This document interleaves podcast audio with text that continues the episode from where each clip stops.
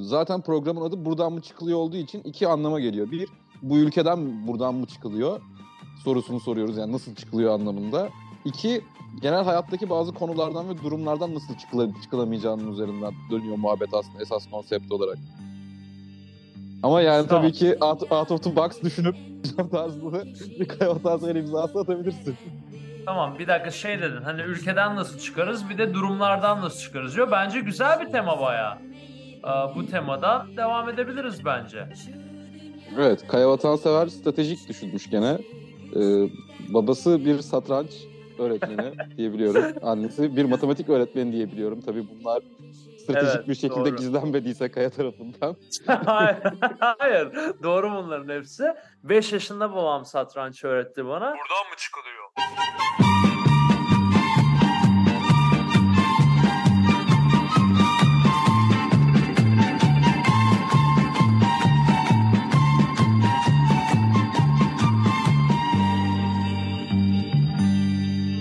Burada yaşayanların çok küçük bir kısmını içeriyor.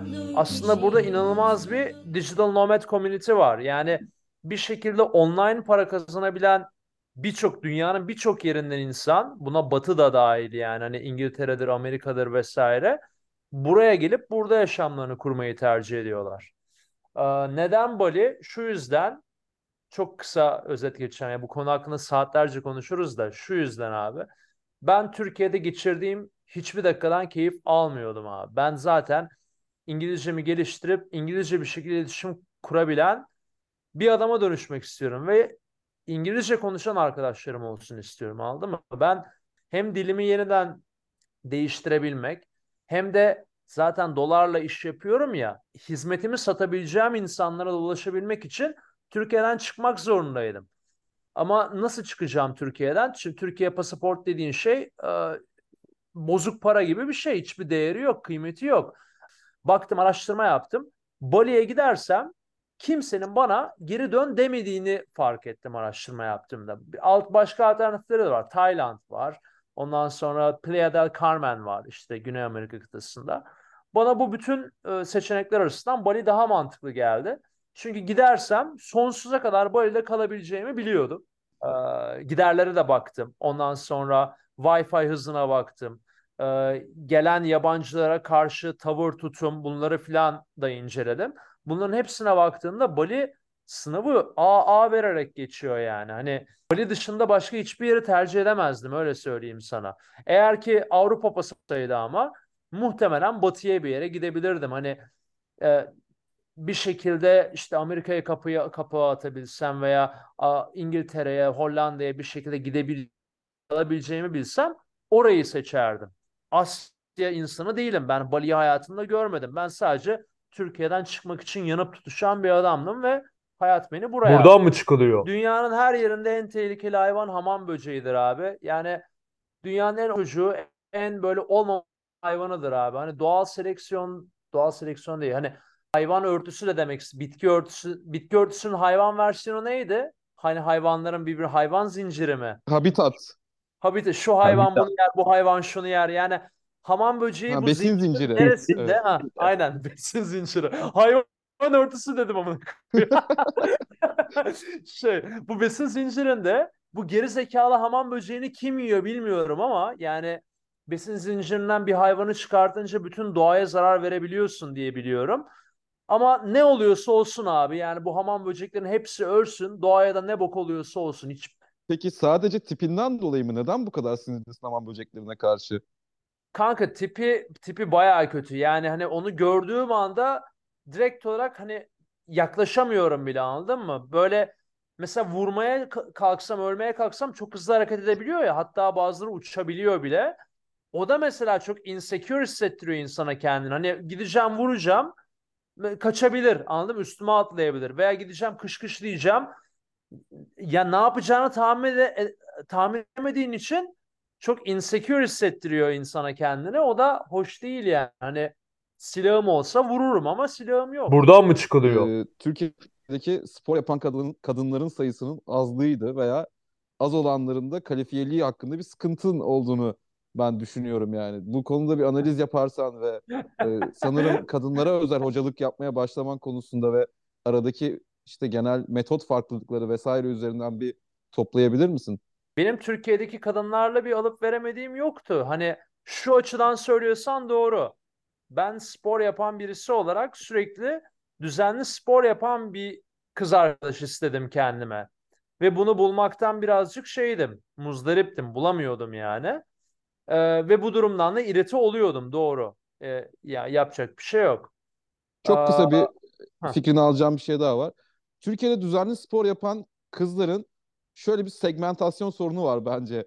En düşük segment varoş kızlar çok düzenli spor yapıyor ama onların da kafası fazla böyle hoşuna gitmiyor sanki. Ya da çok high class artık böyle şirket sahibi falan kızlar spor yap düzenli spor yapıyor ama o orta şekerli o sweet spot'taki kızlar anca arkadaş ortamıyla Kadıköy'de bira içiyor abi. Bir şey söyleyeyim mi? Yani bu, bu konu hakkında bu kadar düşünmemiştim daha önce ama bence bu bayağı iyi bir tespit. Yani o mid class'ı ben de göremiyorum sanki. Hani e, ara ara görünüyor, beliriyorlar. E, özellikle ben hani CrossFit eğitmeni olduktan sonra haliyle daha fazla kadın görmeye başladım ama genellikle ya böyle belirli bir segmentin üstü, belirli bir upper class veya e, rich diyeceğimiz kategoriden insan görüyorsun ya da daha aşağıdan insan ya aşağıdan derken gelir düzeyinde daha e, aşağıda bir yerde kategorize edilebilecek bir balede mesela hiç böyle değil bu arada. E, Herkes yapıyor değil mi? Yani çok sürreal diyebilirim. Burada bir dakika abi siparişim geldi. Burada herkesin thank you so much yeah. Burada herkesin abi six pack'i var. Bütün erkeklerin six pack'i var. Bütün kadınlı, kadınlar da nasıl squat yapacağını da biliyor. Bir kısmı benden çok daha güçlü. Benim bir sürü benden daha güçlü kadın antrenman ortağım oldu falan. Burada inanılmaz bir ortam var yani. Ha burada genel olarak abi şeyi görüyorsun. Kadınlarda daha fazla sporun yaygın olduğunu ve hani senden daha bile ağır kaldırabildiklerini görüyorsun. Bu benim Türkiye'de görmediğim bir şey. Dolayısıyla buna doydum. Bir erkeğim ve kadınlarla çalışmaktan hoşlanıyorum. Aslında kesinlikle böyle bir şey yok. Hatta ben işte o şeyi hiç sevmeyen bir adamım. O e, gender'dan kaynaklanan bir yakınlaşma olabilmesi veya bir elektrik. Ben bundan bayağı irite olan bir adamım. İşimi yaparken hiçbir şekilde konunun oraya gitmemesini, o şekilde bir elektriklenme olmamasını tercih ediyorum. Beni dinle o an anladın mı? Yani ben orada flört etmeye gelmedim seninle. Hani yaşandı bu arada böyle şeyler. Hemen şey yaparım. Dersi bırakırım yani. Neden erkekler ağlıyor, kadınlarla çalışmayı istiyorum? Çünkü bu bir fact abi. Ben CrossFit öğrettiğim için, CrossFit'te yüksek yoğunluklu fitness olduğu için ve evet zor bir şey olduğu için, e, yorucu olduğu için benim İstanbul'daki, buradaki ve online danışmanlık verirken ki deneyimlerime hesaba katarak baktığımda maalesef erkekler arasında böyle işini ağlamadan yapan, düzgün yapan, ondan sonra dediğimi can kulağıyla dinleyen, ondan sonra sürekli bahane uydurmayan erkek bulmak gerçekten çok zor abi. Gerçekten hepsi ağlıyor. Bu bir. Ee, yani zorlanmaya gelemiyorlar. İki, her boku biliyorlar kanka. Erkeğin böyle problemi var. Erkek spor yolculuğuna daha erken başlıyor ya Google'lıyor. Birkaç tane insan buluyor. Bir ne bileyim e, kaslı birine soruyor jimde falan. Böyle kafasında karman çorman bir bilgi oluyor. Bir de kendi de araştırıyor ya. Sürekli kendi bildiğini varsayıyor ve sana asla güvenmiyor bir trainer olarak. Sen hani ne kadar bir iyi bir trainer olursan ol asla sana o ipleri bırakmıyor tam olarak. İpleri bırakmadığı için de sürekli o bok çukurundan kurtaramıyorsun onu mesela. Diyor ki ben haftada 3 gün spor yaparım, 4 yapmam. Çünkü bu yani hani ben bunun doğrusu olduğunu düşünüyorum diyor. E, tamam abi haftada 3 gün yapalım, 6 ay yapalım, 7 ay yapalım. Sonra bana soruyor ki niye benim vücudum o kadar hızlı değişmiyor? E yani haftada 3 güne bu kadar dayıcım sana söylemem başında. Haftada 4, 5, olması lazım. Daha sonra antrenmanların ağırlığının artması lazım. Bunların hepsini sana başında söylüyorum. Hep bu, bu işi hani tamam eyvallah Kaya bana hareketleri söylesin ben zaten hallederim. İşte öyle olmuyor abi. Aslında öyle, burada da gender kaynaklı bir şey mi var acaba? Yani seni acaba erkek erkeğe gördüğü zaman burada bir rakip içgüdüsü devreye girip egosu mu devreye giriyor? Yoksa yoksa daha şöyle bir konu mu bu sence? erkekler daha otomatikman güç elde etme isteğine sahip olduğu için birazcık da fitness yolculuğunda bir yere, yere gelip azıcık bile olsa idman yapmaya başladığı zaman hemen bundan sarhoş olup egosu mu daha kolay kabarabiliyor? Kadınlar öte yandan çok daha hayatta mutluluklarına önem veren insanlar bence güçtense. Hmm, yani bilemiyorum belki buralara doğru bir beyin fırtınası yaparsak bir şeyler çıkabilir ama kadın danışanın varsa bir sene seninle yüzde yüz özellikle işini iyi yapıyorsan ve o da senin dediklerini takip ediyorsa ki çok büyük ihtimalle takip ediyor. Ne istiyorsan sana veriyor. Kadın sana güveniyor en başında. Pro, işin güzelliği o anladın mı? Güveniyor, dediğini yapıyor. Çok kısa süre içerisinde sonucunu görüyor. Ondan sonra çok loyal bir şekilde seninle o fitness journey'e devam ediyor. Ben bunu seviyorum anladın mı? Erkek geri zekalı. E, iki hafta sonra geliyor ki ben çok kilo aldım. Tamam programı değiştireyim. Sonra diyor ki benim kolum niye küçük? Kolumu büyütelim. Sonra muscle up görüyor. Bana muscle up öğret. Erkeğin sürekli o fokusu o bir sağa bir sola sürekli her dakika yer değiştiriyor abi. Sürekli gideceği destinasyon değişiyor. Bu da beni tilt ediyor kanka. Ne istediğini bilmeyen insan beni tilt ediyor ve erkeklerde bu muhabbet var yani. Bir şekilde kontrolü vermek istemiyorlar sana işte. Hani de, belki de bir güç istenci var ya hepimizin içinde. Öyle veya böyle hepimiz bir güç, iktidar elde etmek istiyoruz ya bir şekilde. Herhalde o teslimiyeti sağlayamıyor. Yani sen de yoga hocasısın mesela bunu bilirsin. Teslim olmak kolay bir şey değildir. Özellikle erkeklerin sıkıntı çektiği bir şeydir. Evet. Teslimiyeti %100. yapamadığı için de kafasını yaşayamıyor, felsefesini anlayamıyor anladın mı? Ben ona bir şaman Ve sadece, gibi teslim ol sadece, diyorum ama olmuyor. Sadece bana teslim olması da değil. Öğretiye de teslim olmuyor. Yani hmm. dine de teslim olmuyor yani. Yoga'nın da bir dini bir felsefi kısmı var ya. Yani her konuda genel olarak teslim olma sorunu var. Oysa ki en büyük güçte bir yerde bence teslim olabilmekte herhangi bir şeye teslim olduğun zaman oyun oynamamış oluyorsun çünkü yani. Ya bence de öyle abi. Bir teslim olabilmek aslında güçsüzlük gibi geliyor kulağa ama ben en azından bunu yaşadıkça, deneyimledikçe teslim olabilmenin bayağı önemli bir trait yani önemli bir yetenek olduğunu öğrendim ve teslim olunca hiç tahmin etmediğin kapılar, olasılıklar açılıyor. Evet. Yüzünün Başka doğrular da varmış hayatta görüyorsun yani. Ancak o zaman öğrenci olabiliyorsun. Ne kadar teslim olabiliyorsan o kadar öğrenci kalabiliyorsun hayatta aslında. Çok doğru. Çok doğru abi. Çok doğru. Ee, bunu keşke onlara böyle bir hapla öğretebilmenin yolu olsa. Çünkü kelimeyle anlatınca yani anlat moruk anlat modunda oluyorlar her ülkenin belirli kültürel kodları var tamam mı? Ve sen ne kadar zihni açık, ne kadar modern bir herif olursan ol ki ben zihni açık ve çok modern ailede büyümüş biriyim. O Türkiye'nin kültürel kodlarının beni nasıl böyle kollarıma, bacaklarıma kelepçeler taktığını ben buraya gelince fark ettim. Dolayısıyla doğduğun ve büyüdüğün ülke sen fark etmesen de seni bir şekilde etkiliyor, değiştiriyor ve bir şeylere yatkın bir şeylere de daha az yatkın biri haline dönüşüyorsun. Bence bizim ülkemizde spor birazcık yavaş yavaş gelişiyor. Diğer ülkeler kadar gelişkin değil. Ee, hani şunun şurasına McFit dediğin o büyük zincir çok da böyle eskiden annelerimizin babalarımızın gittiği bir yer değil değil mi? Aslında o yeni bir zincir sayılır. Çok eski bir zincir değil. Dolayısıyla yavaş yavaş filizleniyor Türkiye'de bazı şeyler ama insanların da hani Türkiye'deki hayat içerisinde spora gitmeye vakit bulamamaları falan hani onları da anlıyorum açıkçası. Bir, bir miktar bizim o kültürümüzde yok belli ki o spor olayı, düzenli spor yapma olayı. Anneden babadan çok görmüyoruz belli ki onu. Bir de hayat da zor olunca insanlar bunu herhalde üçüncü, dördüncü plana itiyorlar.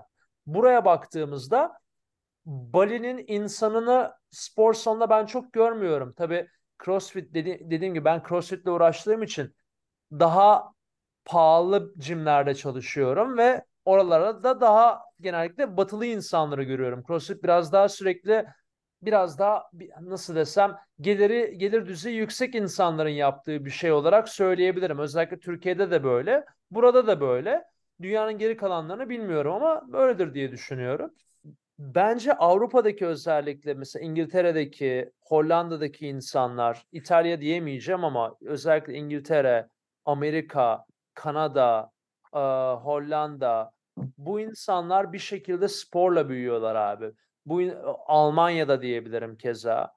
Bir şekilde bu insanlara spor yapmanın önemi e, mi öğretiliyor yoksa spor yapmaktan keyif nasıl alınacağını mı öğretiyorlar bilmiyorum ama bir şekilde onların e, şey kodlarında görüyorum bunu.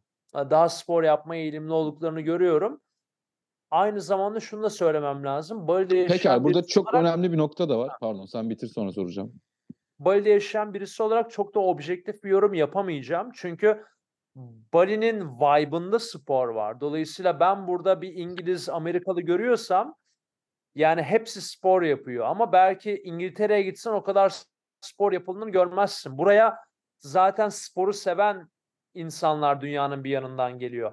Ben burayı seçerken buna da bakmıştım bu arada. CrossFit'i ben nerede yaparım dediğimde Playa del Carmen'de sikko sikko yerler var. Tayland'da baktım birkaç yer beğenmedim ama Bali'de CrossFit Wanderlust vardı. Onun dışında başka yerler vardı. Biraz da bu yüzden seçtim. Buradan mı çıkılıyor? Abi spor ile egzersiz arasında ciddi bir fark var tanım olarak yani bildiğim kadarıyla. Hani spor artık kendine zarar verme ve deforme olma seviyesinde yapılan bir şey. Egzersiz ise sağlık için yapılan bir şey. Hani burada e, CrossFit zaten hiçbir şekilde bir egzersiz içerisine giremiyor diye düşünüyorum. Yoksa bu metodoloji değişti mi? CrossFit sence egzersiz olarak da yapılabilecek bir spor haline geldi mi? Yoksa hala aynı şekilde biraz yorucu ve hani e, eninde sonunda senin vücudun deforme eden, yıpratan bir şey mi sence CrossFit? Bu konuda da bir düşüncelerini merak ediyorum. Ya şöyle söyleyeyim. Şimdi şey spor sporu açıklarken insana bir şekilde zarar verdiğini söyledin. Buradaki rasyoneli anlayabiliyorum arka planda. Çünkü bir sporla uğraşıyorsan bir yarışmacı oluyorsun bir noktada ve bir yarışmacıysan da artık kilo vermektir, sağlıklı olmaktır. Bunun bir önemi yok. Yanım diğer adamı dövebildin mi? Diğer adamı yenebildin mi? Olay bu. Skor önemli. Dolayısıyla skorun önemli olduğu yerde sağlık ikinci plana gidiyor. O rasyonelden yola çıkarak bunları söylüyorsun. Haklısın da hak veriyorum. CrossFit'te de e, açıkçası bu benim gördüğüm bir açık sektörde. Genellikle birazcık insanları zorlama üzerine e, odaklı. Özellikle bazı salonlar. Şu an gerçi e, diğer bir başka salonlara baktığımızda da şey görebiliyoruz. An- antrenman tahtalarının yavaşladığını, azaldığını, artık böyle daha mild workoutlar verildiğini falan gözlemleyebiliyorsun. Benim bu sektörde gördüğüm bir açık açıkçası bu. Yani içerisinde CrossFit'in çok zor ve darlayıcı, yüksek teknik gereksinimi olan hareketler var. Bu yüzden kendi antrenman programımı oluşturdum ve artık bunu satmaya başladım zaten. Ee, aylık abonelikle bu hizmeti satıyorum ve CrossFit'in içerisinde yüksek teknik gereksinimi olan ve seni aşırı zorlayan, kalp ritmini bir anda 180'i çıkartan her şeyi o programın dışına ittim. 40 dakikalık bir e, antrenman oluşturdum ve her gün farklı farklı antrenmanlar e, tıpkı CrossFit tarzı yani hiçbir zaman e, sıkıcılaşmıyor. Sürekli olarak yeni bir şeyle test ediliyorsun her gün. Ancak 40 dakika çalışıyorsun toplamda. İçerisinde esnemen de var. Ter de atıyorsun. Bir session'da yaklaşık 500 kaloriye yakın e, kalori de yakıyorsun. Dolayısıyla kilo vermek istiyorsan, sağlıklı yaşamak istiyorsan e, özellikle benim hazırladığım bu program sana istediğini veriyor. Piyasada başka böyle programlar bulabilir misin? Bulabilirsin. Ben antrenman yapacağım zaman kendimi zorlamayı seviyorum ama kız arkadaşım mesela şey daha e, mild antrenman yapmayı seviyor. O yüzden benim bu yaptığım programın e, sloganına da şey dedik. Train to be enough dedik. Mottosunu bu koyduk özellikle. E, kendini eksisiz zorlama. Zorlamana da gerek yok. Bu işi sağlığın için yapıyor olman çok normal. Eğer haftada 4 gün 5 gün bu programı takip edip 40 dakika antrenman yaparsan mutlu, sağlıklı, iyi görünen bir adama kadına dönüşeceksin. Buradan mı Bir çıkılıyor? kere şöyle bir söz okumuştum abi. Ve bence önemli bir sözdü. Ben de bundan pek fazla ders almasam da belki birileri ders alır diye paylaşıyorum. En iyi komutan en iyi planı yapan değildir. En iyi komutan planı başarısız gittiği zaman en hızlı tekrar plan yapabilen komutandır. Bence bayağı iyi söz. Yani Ben eskiden özellikle daha gençken hani bu gençken yine genciz de amına koyayım. 22-23 yaşındayken falan diyorum hani şu an 29'um ya. O zamanlarda böyle iyi planlarsam, iyi strateji kurarsam her şeyin plana uygun gitmesi gerektiğini düşünüyordum ve gitmeyince de çıldırıyordum. Niye her şey planladığım gibi olmadı diye. Sonra baktım ki yok abi yani dünyanın en zeki, en güçlü insanı da olsan kesinlikle plana uygun gitmiyor yani ve hayat dediğin şey aslında biraz, biraz bu dalgalarla surf etme olayı yani. Ne kadar iyi bir sörfçüysen o kadar da başarılı oluyorsun. Benim buraya Bali'ye gelme planım da hani e, Surf işte Bali'ye gideceğim her şey çok güzel olacak falan diye geldim. Buna koyayım telefonumu çaldılar. e, ne bileyim dolandırıldım bilmem ne. Bir sürü şey oldu yani. Hani ağzıma sıçıldı ilk sene. Ama sonradan toparladık. Sıkıntı yok şu anda. E peki o zaman şöyle bir konu değişikliğine gidelim mi? Sizin için de uygunsa sayın. Ee, iyi yanları dışarıdan gö- iyi gözüken Bali'nin main kötü yanları. Ama bu senin için bir tık sıkıcı bir topik de olmuş olabilir. Daha önce konuşmuştun Yo. galiba. Ya, vallahi sabaha kadar gömerim Bali'yi. Buradan mı çıkılıyor? Korkarım diye bir şarkısı var Ahmet Kaya'nın mesela. Ben bunu çok severim. Korkarım, güzelim, korkarım diyor şarkıda. Benim çok zamanında dinlediğim, e, özellikle lisedeyken çok dinlediğim, hatta üniversitenin bir kısmında da dinlediğim bir şarkıydı. Belki benim ne kadar çok Ahmet. Kaya sevdiğimi bilir. E, Çok Sakın güzel başlıyor. Şey neydi? E, tehlikeli şiir okur, dünyaya satışırım diye başlıyor. Yani çok sert bir giriş anladın mı? Ardından zaten bir enstrüman giriyor diyorsun ki şiir okur. Haftaya görüşürüz. Son kelimem Anika. Değişim demek. Her şey değişir. Her şey geçer. haftaya Berke ve sizinle görüşecek ama ben burada olmayacağım. Ee, son cümlem ise bu dünyayı yakarsa deliler yakar. O yüzden delirin bir an önce. Delirdiğiniz bir haftada görüşmek üzere. Ceketimi yağmurlar astığından beri. Tehlikeli şiir okur. Dünyaya sataşırım ben.